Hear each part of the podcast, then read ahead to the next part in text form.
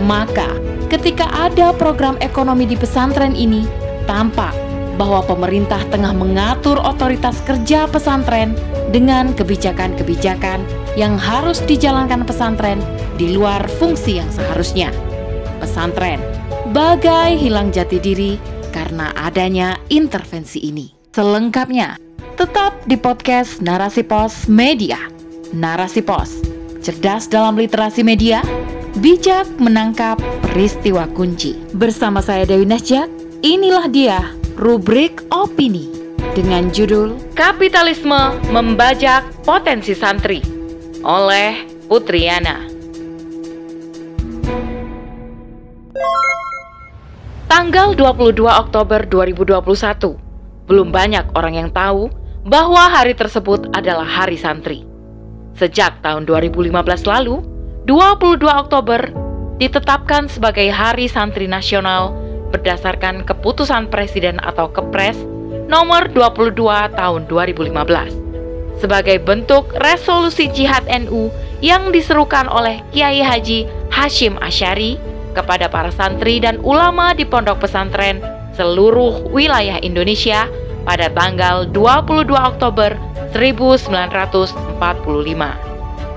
Tujuannya adalah mengusir para penjajah Belanda yang ingin kembali menduduki Indonesia. Dari peristiwa sejarah ini, makna secara eksplisit yang bisa kita ambil adalah pesantren merupakan tokoh utama pelaku perubahan sesuai tuntunan syariat. Mengusir penjajah di tanah kaum muslimin adalah bagian dari hukum syara yang ditetapkan oleh Allah Subhanahu wa taala sebagaimana firman-Nya. Telah diizinkan berperang bagi orang-orang yang diperangi karena sesungguhnya mereka telah dianiaya dan sesungguhnya Allah benar-benar maha kuasa menolong mereka yaitu orang-orang yang telah diusir dari kampung halaman mereka tanpa alasan yang benar, tidak lain karena perkataan mereka. Tuhan kami hanyalah Allah. Quran Surah Al-Hajj ayat 39 hingga 40. Sayangnya, semangat jihad yang dikobarkan para ulama dalam perspektif sekularisme kapitalis yang notaben menjadi sistem saat ini terkooptasi dengan narasi penggerak ekonomi. Sebagaimana yang dikatakan pemerintah pada Hari Santri Nasional tahun 2021 dengan adanya agenda peluncuran logo baru Masyarakat Ekonomi Syariah atau MES. Pemerintah berharap pada pengembangan ekonomi syariah terus dilakukan terutama pada kalangan santri. Dari sini, diharapkan banyak wirausaha dari kalangan santri dan lulusan pondok pesantren. Dengan adanya program ini, ke depannya orientasi santri bukan lagi mencari pekerjaan, tetapi dapat menciptakan lapangan kerja bagi masyarakat seluas-luasnya dan bisa menebar manfaat bagi umat. Pada kesempatan lain, dalam webinar Hari Santri Nasional 2021 yang digelar secara virtual oleh Rabitah Ma'ahid Islamiyah NU Wakil Presiden Ma'ruf Amin meminta pesantren untuk bertransformasi. Sebagai bentuk dukungan dari pemerintah kepada pesantren menjelang Hari Santri kemarin, pemerintah pun mengeluarkan Perpres nomor 82 tahun 2021 tentang pendanaan penyelenggaraan pesantren. Artinya, melalui Perpres tersebut terdapat pengaturan dana abadi pesantren, di mana pesantren mendapatkan alokasi dana khusus yang bersifat abadi untuk mengatur pengembangan pendidikan pesantren. Dana abadi ini diharapkan mampu membantu pesantren-pesantren di Indonesia untuk meningkatkan daya saing tidak hanya di aspek keagamaan, namun juga meluaskan aktivitasnya ke bidang sains dan teknologi agar pesantren mampu menjawab tantangan zaman yang semakin berkembang pesat. Selain itu, pesantren dituntut untuk berdaya di bidang ekonomi dengan keikutsertaannya dalam berbagai program yang diluncurkan pemerintah. Program itu seperti yang dipaparkan sebelumnya yaitu MES.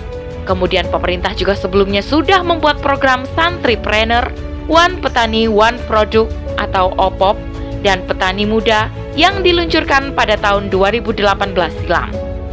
Dengan banyaknya program ekonomi yang dijalankan oleh pesantren, Akankah mampu membawa lembaga ini berada di posisi tertinggi dan menjadi sentral peradaban generasi ke depan? Atau yang terjadi justru sebaliknya? Padahal kita tahu bahwa pesantren adalah lembaga pendidikan keagamaan di mana para santri melakukan pengkajian berbagai sakofah Islam yang bersumber dari kitab-kitab para ulama. Pesantren akan menghasilkan para santri yang fakih fiddin, melahirkan ulama-ulama warasatul ambia yang terdepan dalam dakwah dan terjun ke tengah masyarakat dan melakukan amar ma'ruf nahi mungkar. Maka, ketika ada program ekonomi di pesantren ini, tampak bahwa pemerintah tengah mengatur otoritas kerja pesantren dengan kebijakan-kebijakan yang harus dijalankan pesantren di luar fungsi yang seharusnya. Pesantren bagai hilang jati diri karena adanya intervensi ini. Fungsi pesantren yang semula sebagai sentral pendidikan dan dakwah menjadi ke arah pemberdayaan masyarakat, di mana fungsi pemberdayaan masyarakat ini mendapatkan perhatian penuh dari pemerintah dengan berbagai program kemandirian pesantren yang digadang-gadang akan mampu menggerakkan ekonomi masyarakat. Alih-alih sukses, pada akhirnya ini akan menjadikan pesantren dan santri disibukkan pada aktivitas ekonomi tersebut. Kemudian, dalam pendanaan pesantren yang diatur dalam Perpres nomor 82 memberikan ruang kepada pemerintah pusat maupun daerah dan pihak-pihak lain untuk menguncurkan pendanaan kepada pesantren termasuk dalam hal ini adalah pihak swasta. Bisa jadi pihak swasta asing pun ikut ambil bagian di dalamnya. Sudah menjadi rahasia umum bahwa pendanaan itu merupakan alat untuk melakukan intervensi dan intervensi tersebut dalam rangka memudahkan masuknya paham moderat ke dalam pesantren. Sejatinya jika kita lihat, upaya ini dapat merampas potensi santri sebagai calon ulama atau penegak agama. Semestinya, dengan kelebihan yang mereka miliki yakni sakofa Islam, baik dari santrinya maupun ulamanya, diharapkan lahir gelombang perubahan menentang segala bentuk penjajahan berdasarkan tuntunan Islam.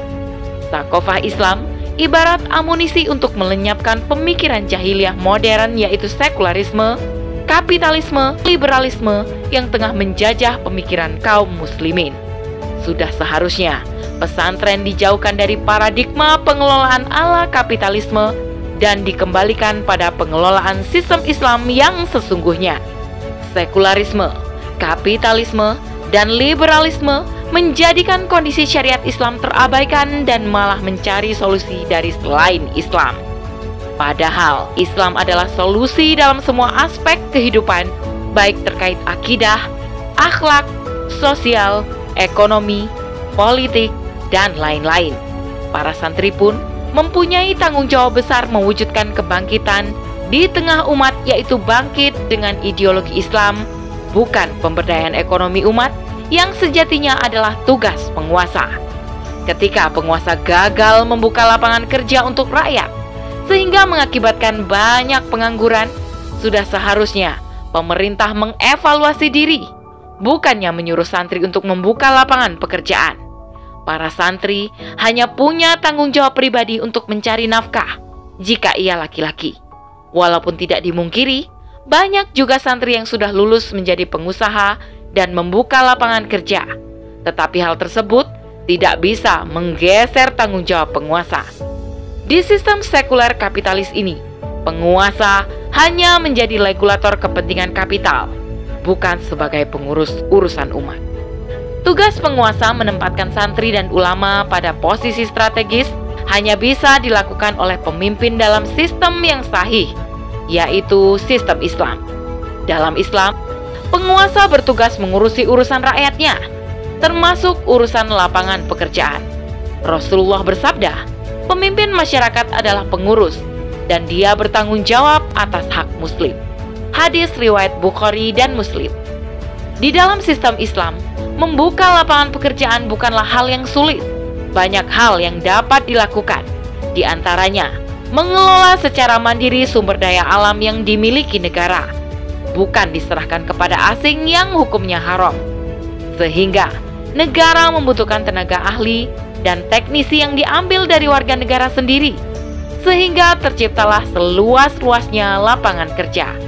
Selain itu, iklim ekonomi non-riba menjadikan ekonomi masyarakat sehat sebab memudahkan para pedagang dalam pemasarannya dan pebisnis dalam usahanya, sehingga tidak akan kurang lapangan pekerjaan. Dari perekonomian syariah pula, negara mendukung pembiayaan sistem pendidikan yang di antaranya hasil outputnya menghasilkan para ulama. Selain itu, di dalam peradabannya, Islam pernah memiliki pesantren pertama yang ada di Baghdad, yaitu pesantren Nizamiyah yang dikelola secara penuh oleh negara dengan kualitas yang prima, sehingga menghasilkan para ulama yang menjadi panutan hingga hari ini. Dan itulah gambar pesantren atau madrasah yang bisa menjadi sentral peradaban Islam. Maka, dengan adanya sistem Islam, para ulama akan fokus mengajar, mencerdaskan umat, dan melakukan amar ma'ruf nahi mungkar kepada penguasa tanpa terbebani pembiayaan pesantren. Inilah gambaran negara yang benar dalam mengurus rakyatnya yang hanya bisa terwujud dalam sistem Islam yakni khilafah. Wallahu a'lam bisawab.